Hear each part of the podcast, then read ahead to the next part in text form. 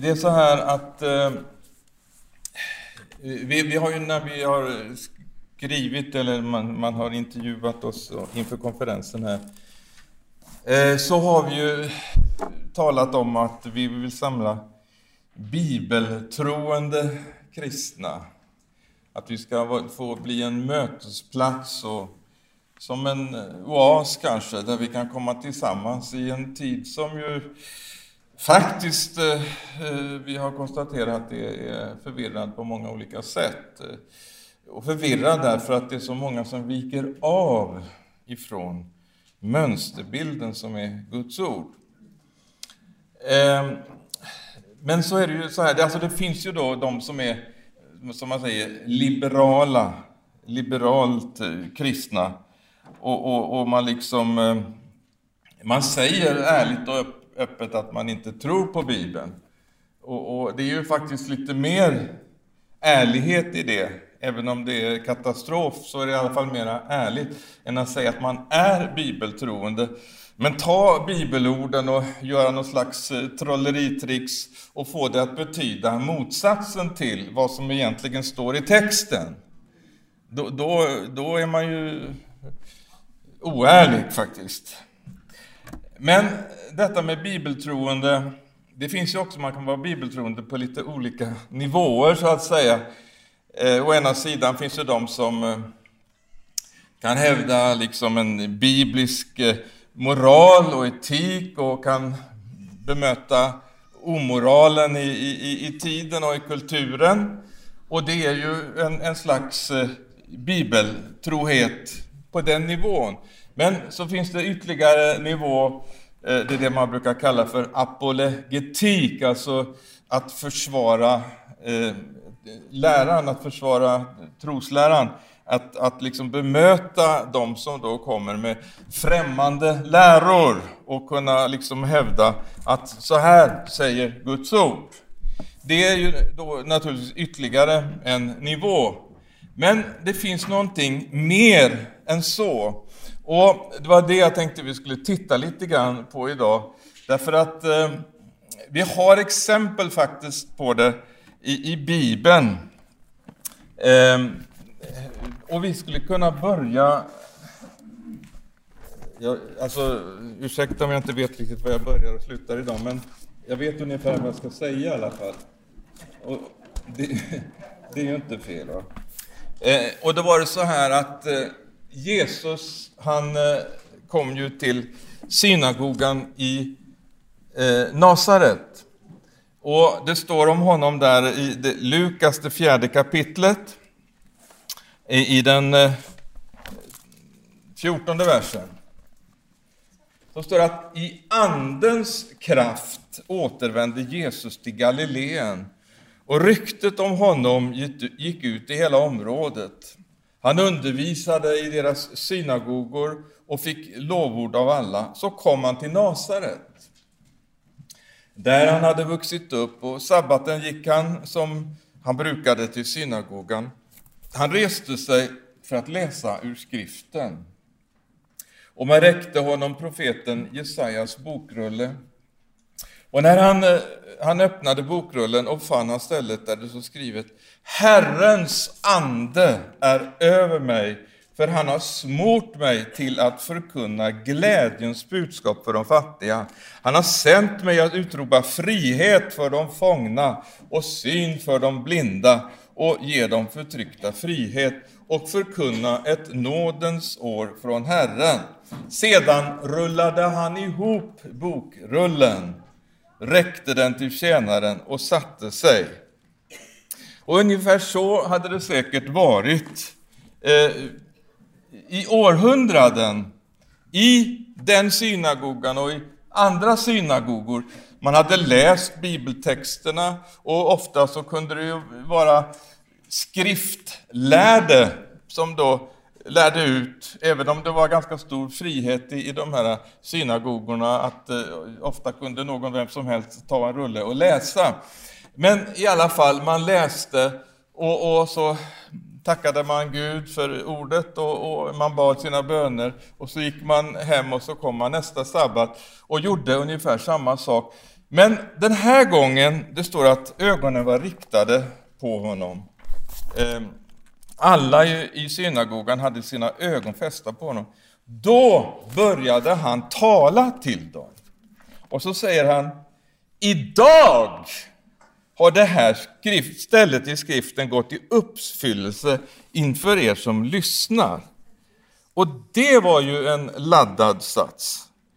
Idag har det här, som ni har läst här i synagogan i flera hundra år, idag så har det här gått i uppfyllelse. Och nu blev det lite rörigt och stökigt här, va? för att eh, det, det, nu, ja men, eh, idag, alltså det här var ju det som profeten Jesaja skrev för 700 år sedan och, och, han talar om någonting som ska ske i framtiden. Men idag, kan det här hända idag? Jesus Kristus är densamme igår och i all evighet.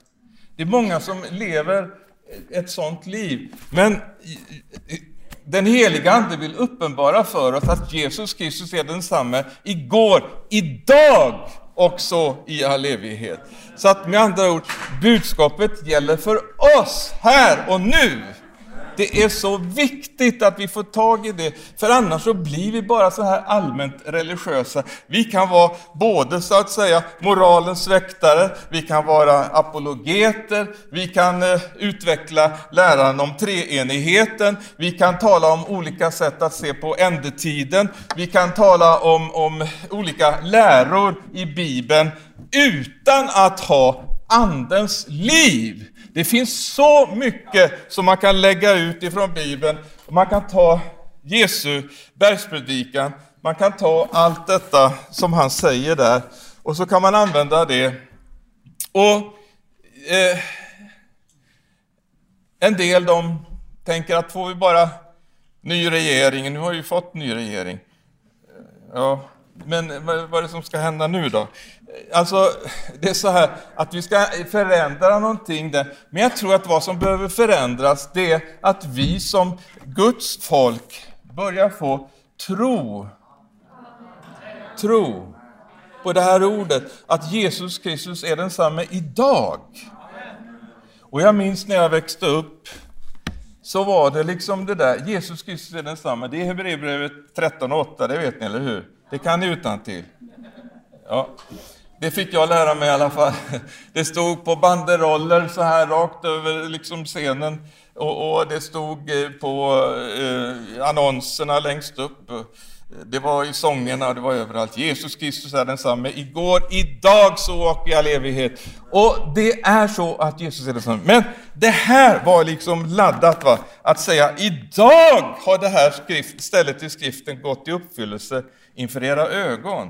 Och först var det de som då berömde honom för allt det här intressanta som han delade. Men, men sen så var det någon där, mm, eh, i vers eh, 22. Är det inte Josefs son? Det var någon som sådde otro där. Och det är, det är ju väldigt viktigt vilken Kristusbild vi har, eller hur? Är han bara Josefs son? Ja, det är klart, då faller ju alltihop. Och det var någon som lyckades alltså att predika emot Jesus där och, och, och liksom säga han är bara Josefs son. Och så får han liksom, hur snabbt liksom det bara kan förändras, hur, hur det här giftet, det här otrons gift bara sprider sig. Och, och, och man istället från att ha, ha, ha liksom känt, känt en liten öppning så här, så helt plötsligt så bara stängs det igen på grund av otro. Vi måste få se Jesus, vem han verkligen är. Om vi ska kunna få den här tron och den här uppenbarelsen och den här förväntan att han förmår att göra långt mer än vad vi kan be eller tänka. Halleluja! Det vill han göra. Men här i Nasaret, det står att det var som att hans händer blev bundna. Just därför att det kom en sån otrons atmosfär in liksom i hela synagogan. Och det går så långt så att eh, eh 28 versen. Alla i synagogan fylldes av vrede när de hörde detta, står det. Och de reste sig och drev ut honom ur staden och förde honom fram till branten av det berg där deras stad var byggd för att kasta ner honom. Men han gick rakt genom folkhopen och vandrade vidare. Han vandrade vidare. Och jag funderar på om det inte är ungefär där vi befinner oss idag. Det här kanske kan se lite olika ut för oss. Vi kommer från olika platser och olika sammanhang. Men frågan är om inte för många att det gäller att vandra vidare. Alltså det, det står så här i Andra Korinthierbrevet. Andra Korinthierbrevet 6. Så står det så här i den fjortonde versen. Gå inte som omaka par i ok med dem som inte tror. Vad har rättfärdighet med orättfärdighet att göra? Eller vad har ljus gemensamt med mörker? Vilken samstämmighet har Kristus med Bilar? Eller vad kan den som tror dela med den som inte tror? Vad kan Guds tempel ha för gemenskap med avgudarna? Vi är den levande Gudens tempel, för Gud har sagt, jag ska bo hos dem och vandra bland dem och vara deras Gud, och de ska vara mitt folk. Och så kommer fortsättningen, därför Därför. När det står därför, då bör man ta reda på varför därför står därför. Och det är precis just det som vi har läst nu. Att därför, säger Herren, gå ut från dem och skilj er från dem och rör inte vid något orent. Då ska jag ta emot er och ska vara er far och ni ska vara mina söner och döttrar, säger Herren den allsmäktige. Vi lever i en speciell tid nu. Att vi eh, samlas eh, på det här sättet. Eh, jag tror inte att det är någon liksom, tillfällighet eh, att, eh, att vi gör det. Eh, vi kommer från lite olika sammanhang. Eh, vi, vi, är, vi är, kan säga, en, jag skulle vilja säga att det här är en slags eh, historisk brytpunkt. Det, det, det, är flera som har sagt, och jag har sagt det också, att det är som ett svärd som går igenom svensk kristenhet. Och jag menar att det är viktigt att det här svärdet verkligen får gå igenom. Det talas väldigt mycket om, om eh, ekumenik i våra dagar och det ska liksom vara så brett och så... Eh, man ska vara så många eh, och, och man ska helst också utvidgas så att vi kan passera religionsgränserna och, och, vara inkluderande och toleranta och alla de här fina orden. Och liksom.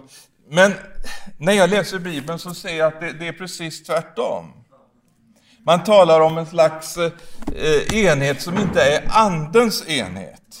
Gud, han vill ha en enhet. Han vill att hans folk ska komma tillsammans, men han vill inte att det liksom ska bli en, en eh, uppblandning på det sättet att de som liksom eh, är, är, är Eh, höll jag på att säga, att, att det ska finnas bastioner av otro, utan att Gud vill samla ett folk som, som tror på honom, som ger sina liv för honom och som inte liksom står emot. Och jag tror att det, vi, vi är i den tiden nu, då, då det, villigt kommer ditt folk när du samlar din här. Halleluja. Det samlas inte någonting under några speciella varumärken eller samfund eller någonting sånt, utan det, det är ditt där, det, det är Herren då. Va? Herren, han samlar sitt folk. Och jag tror att eh, vi kommer att få se det. Det kommer att bryta och bända och ske saker och ting. Därför att det, vi är många som inte i alla fall kan följa med på den utslagna vägen som vi kan se i många sammanhang idag. Det, det, så är det bara. Men eh, pris för Gud. Det är intressant att läsa, måste jag säga, eh, kyrkohistoria och läsa eh, Guds ord och se Guds folks historia. Jag ska ta ett litet exempel.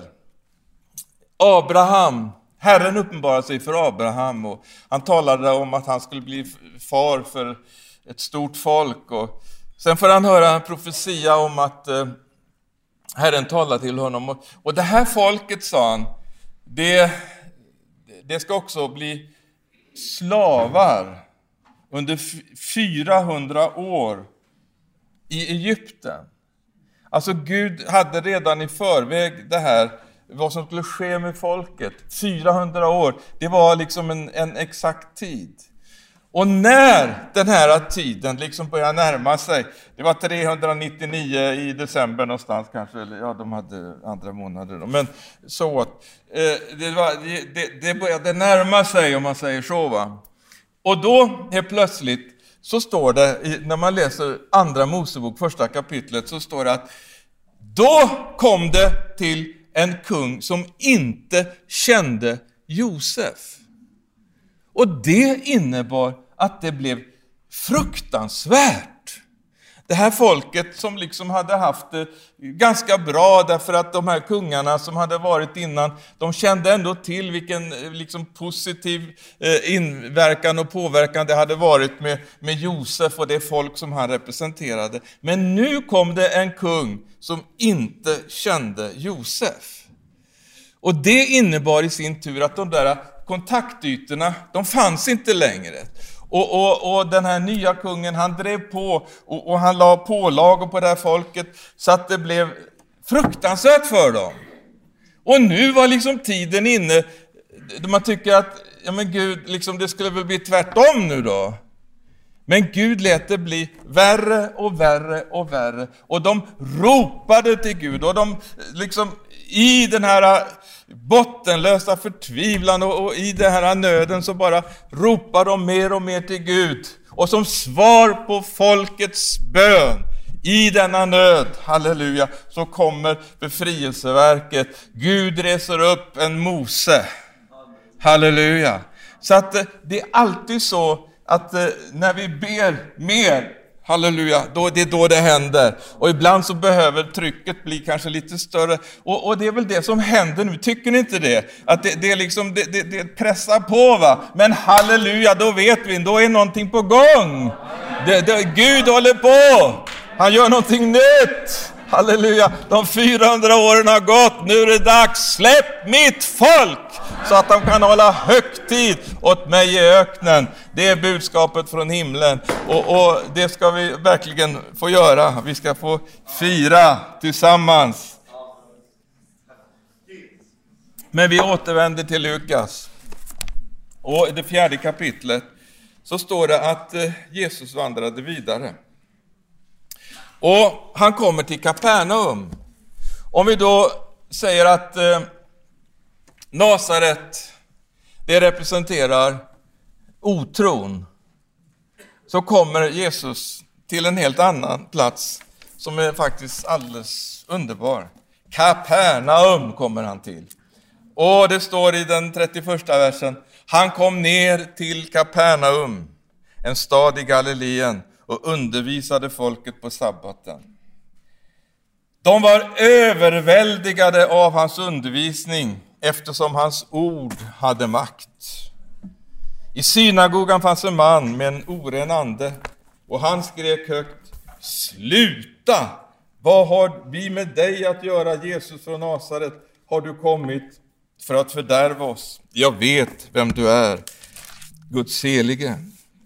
Då talade Jesus strängt till eh, anden. Tig, far ut ur honom. Och anden kastade omkull mannen mitt ibland dem och for ut av honom utan att skada honom. Alla greps av bevan och sa till varandra, vad är det med hans ord? Med makt och myndighet befaller han de orena andarna och de for ut. Och eh, ryktet om honom gick ut överallt. Och det står att han kommer till Petrus svärmor. Petrus var gift. Men hur går det ihop då? Påvar får ju inte vara gifta. Ja, ja, han var ingen påve så det är bra med det. Men i alla fall, svärmor hade feber. Och han bara befaller febern. Han talar strängt till febern. Han lägger händerna på det och han, han botar dem. Och så ser vi liksom här frigörs någonting. Varför det? Vad är skillnaden? Nasaret otro, Kapernaum tro. Och här tror jag vi står idag. Vi, vi, det står ju så här att tron kommer av predikan och predikan i kraft av Kristi ord. Och det kanske är så med oss predikanter då att, att vi har kanske missat det här och, och, jag känner det för min egen skull. Jag får be Gud och människor om förlåtelse att jag inte har predikat mer om detta. Att Jesus är densamme, att han vill göra samma saker som man har gjort här när vi läser i evangelierna. Och det, tron kommer av predikan, predikan i kraft av Kristi ord. Så att vi ska börja predika nu att Jesus är densamme idag. Halleluja, han är densamme idag! Och han vill utföra under idag! Så därför så, eh, här i slutet av mötet, nu ska vi ha ett långt eftermöte och så ska vi be för varandra och Herren ska få utföra sitt verk. Och, och eh, framförallt detta, att vi också i fortsättningen bara ber Jesus, ge mig verkligen, fyll mig med en större tro och tillit till dig. Så att jag förväntar mer, att jag inte liksom lever det här synagogelivet. Man går till kyrkan, man läser sina bibeltexter, man, man sjunger sina sånger, man, man ber sina böner, man fikar tillsammans, man går hem, man gör samma sak nästa söndag och nästa söndag och nästa söndag tills man eh, så att säga har, har begravningsgudstjänst, eller på att säga. Men, alltså, det, det är liksom... Det, det, det, är inte det livet vi är kallade till att leva. Utan vi är inte, vi är inte kallade till att leva som i, i Nasaret. Vi är kallade till att leva som i Kapernaum.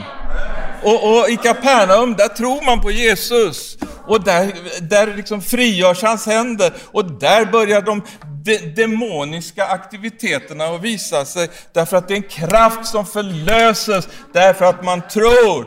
Detta är den seger som har övervunnit världen, vår tro.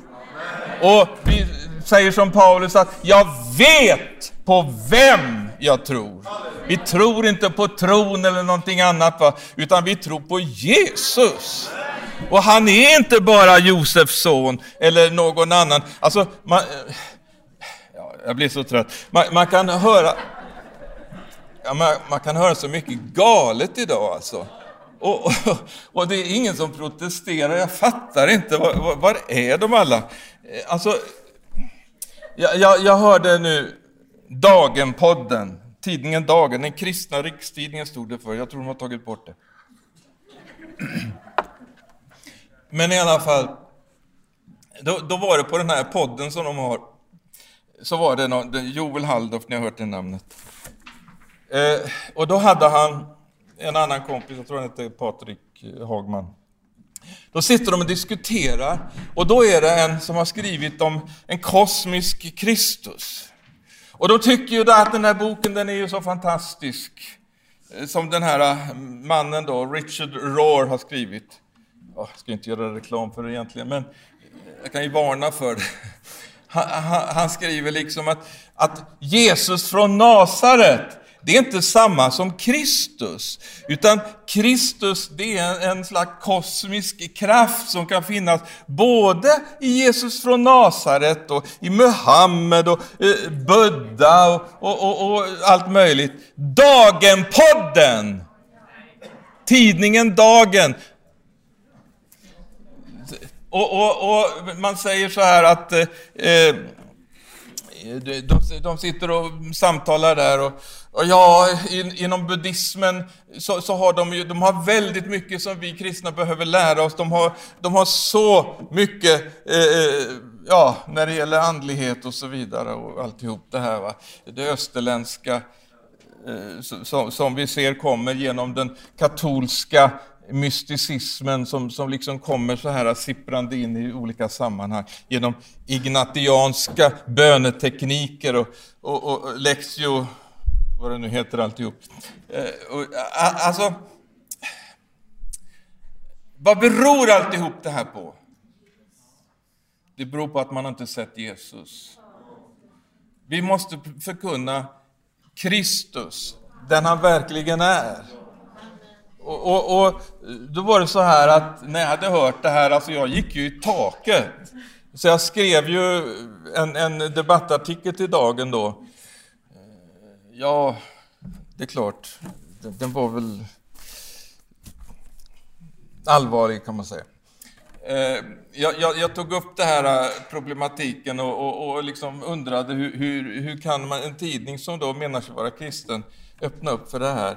Men de hade inte utrymme för min artikel. De hade utrymme för det här andra. De fick prata på där i den där podden i dryg timme. Va? Men om jag skulle skriva liksom eh, en artikel med, med 3000 tecken med blanksteg, det, det gick inte. Nåväl. Eh, vi lämnar det. Men vi måste förstå att tro och otro kan inte stå tillsammans. Och vi måste som ett trons folk resa oss upp, vi måste bli tydliga. Och vi måste bli tydliga på ett sådant sätt så att eh, det, det, faktiskt kommer att bli sådana här eh, demoniska manifestationer. När vi blir tydliga då blir det krock i andevärlden. Det blir som det blev i Nasaret, men det blir också som det blev i Kapernaum, när, när, när, de demoniska aktiviteterna avslöjar sig. Och det är det som måste ske. Det måste uppenbaras, vad är det som döljer sig under de här fina fasaderna? Och... Ja, jag har lite mer tid, va?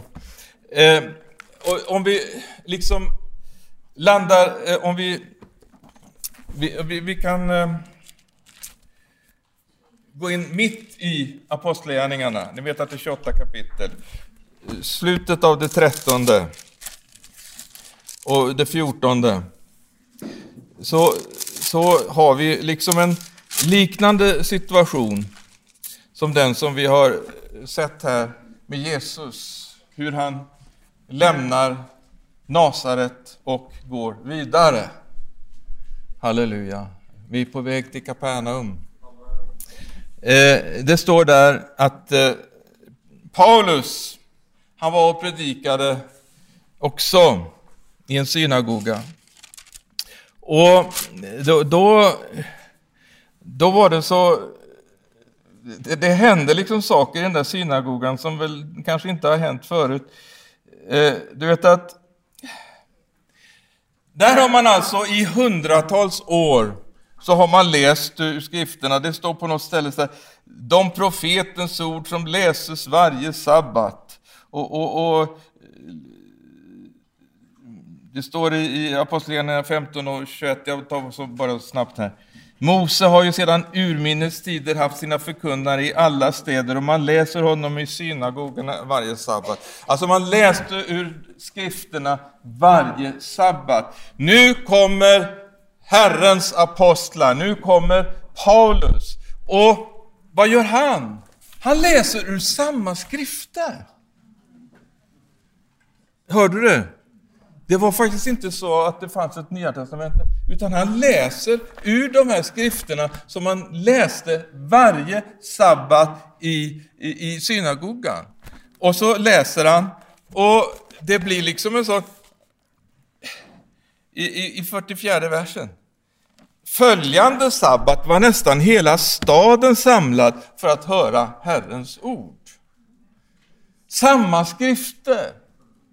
Men det var någonting som hade skett och det var det här som Jesus hade sagt till sina lärjungar, att ni ska bli mina vittnen. Men ni ska vänta här i staden. De hade varit i tre år i Jesu lärjungaskola, men ni ska stanna här, ni ska vänta tills ni blir beklädda med kraft från höjden. Kraft från höjden. Det är det vi behöver. Och jag känner jag behöver så mycket utav den här kraften från höjden. Det hjälper inte hur mycket vi liksom bemöter olika falska läror eller eh, omoralen eller vad det än är. Vi måste få kraften från höjden. Därför att det är bara det som kan befria de bundna. Det är bara det som kan driva ut demonerna. Det är bara det som kan vara med och förlösa människor och sätta dem fångna fria.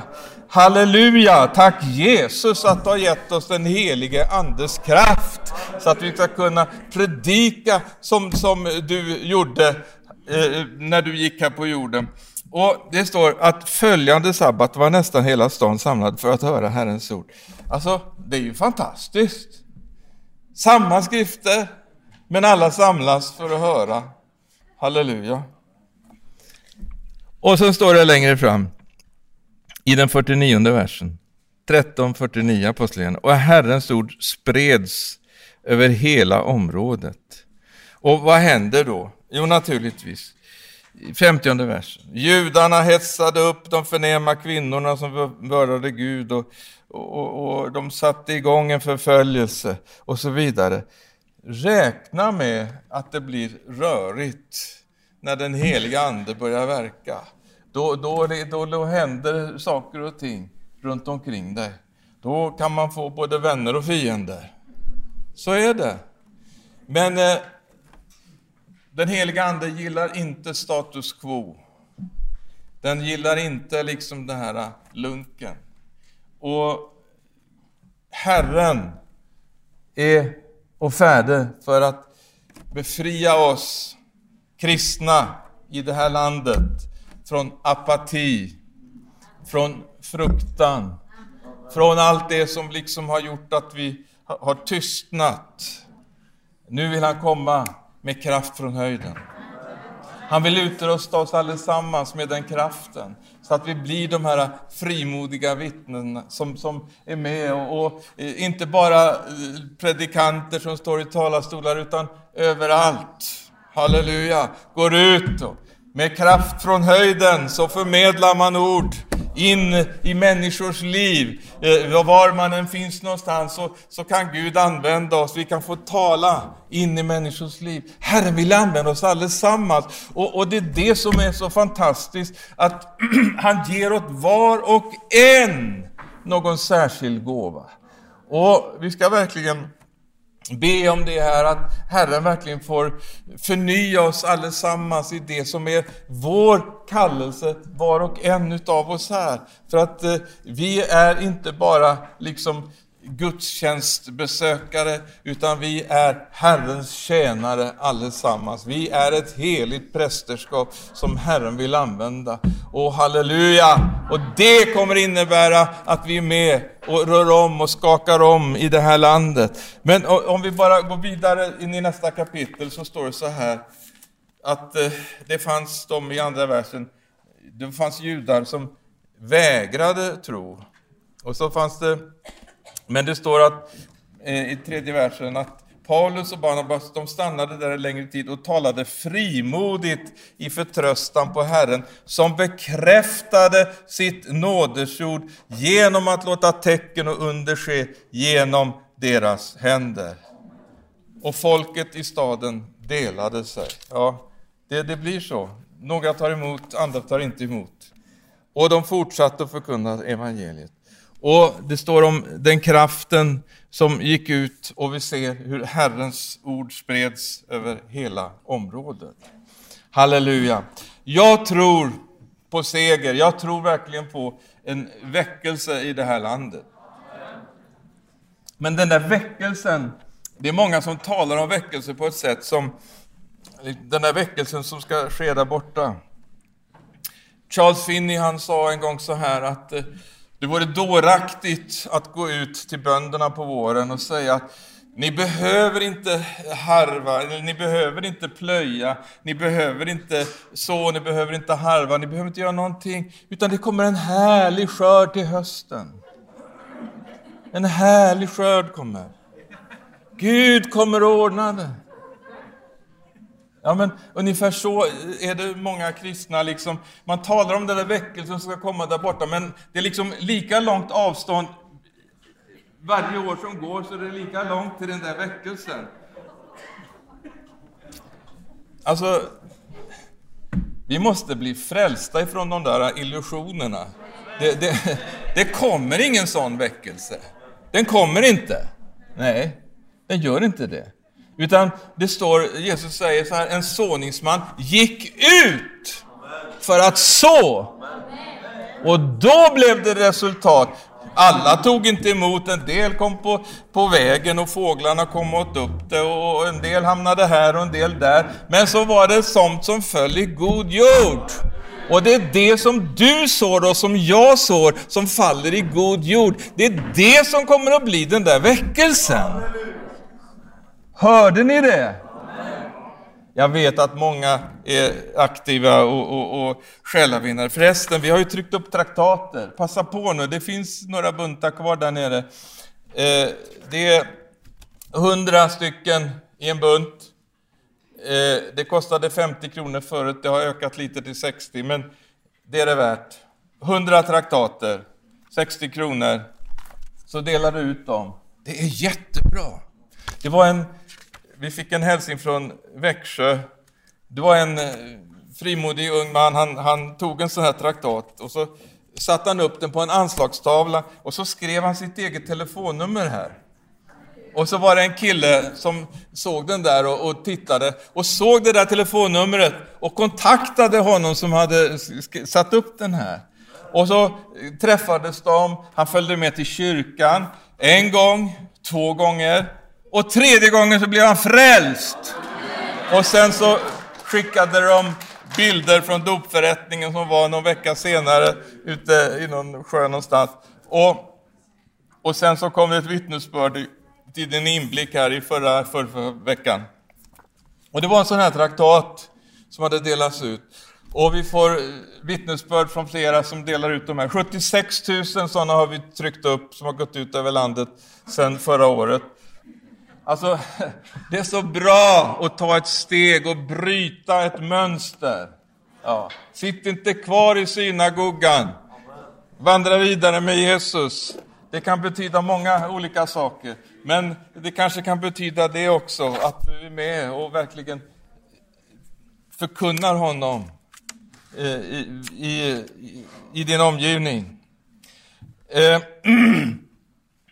eh, jag tror så här, spelar ingen roll vad jag tror, men eh, i alla fall vad vi kan se, tror jag allesammans här, att eh, det som händer nu, det är, det är verkligen någonting historiskt. Vi är ett, i ett historiskt skeende. Och det som har skett under föregående år, då utvecklingen har gått väldigt snabbt, det är olika frågor som liksom har, har kommit i rampljuset. Och, eh, det, det, är en slags eh, Ja, man avviker verkligen ifrån Guds ord.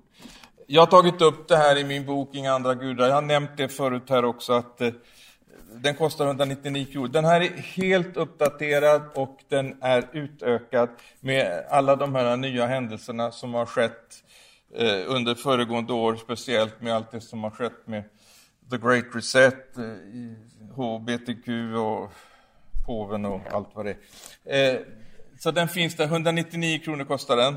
Men om du lägger till en krona så ska du få två stycken. Och då kan du ju antingen ge bort den eller sälja den ena och få en gratis. Men nog om detta. Eh, vi, vi, eh, vi ska här i slutet så ska vi be tillsammans och verkligen detta, vi, vi, som bär den här nöden i våra hjärtan över situationen, att eh, Herre, utrusta mig för en ny tid. Låt mig få den ytterligare utrustning och kraft som behövs för att möta det som händer nu.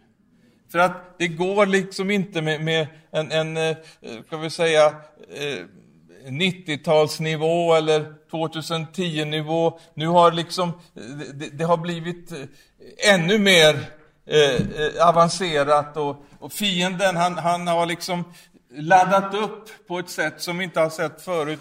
Men då vet vi att vi behöver aldrig hamna i något underläge. Vi behöver inte stanna vid någonting som var förut, utan det är bara det att som som vår dag är kraft, ska det stå i en sång. Men, men alltså, Gud utrustar oss för den här tiden! Han utrustar sitt folk. Och vi ska, här i slutet av mötet så ska vi bara be, Herre rusta mig, hjälp mig att kunna stå upp i den här tiden. Låt de gåvor som du har gett mig, låt dem få upplivas och, och, och ge mig gåvor om jag inte har några. Se, se till att du blir rustad och Herren vill också resa upp tjänster. Han vill resa upp apostlar, profeter, evangelister, herdar, lärare. Halleluja! Jag har sagt det till de nyfrälsta i församlingen också. Ni har inte bara blivit frälsta för att bli medlemmar i, i församlingen Agape. Ni har blivit frälsta därför att ni ska ha nådegåvor. Ni ska ut i tjänst för Herren. Halleluja!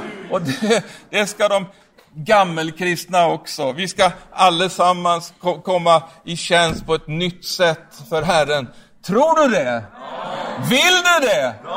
Vill Gud det?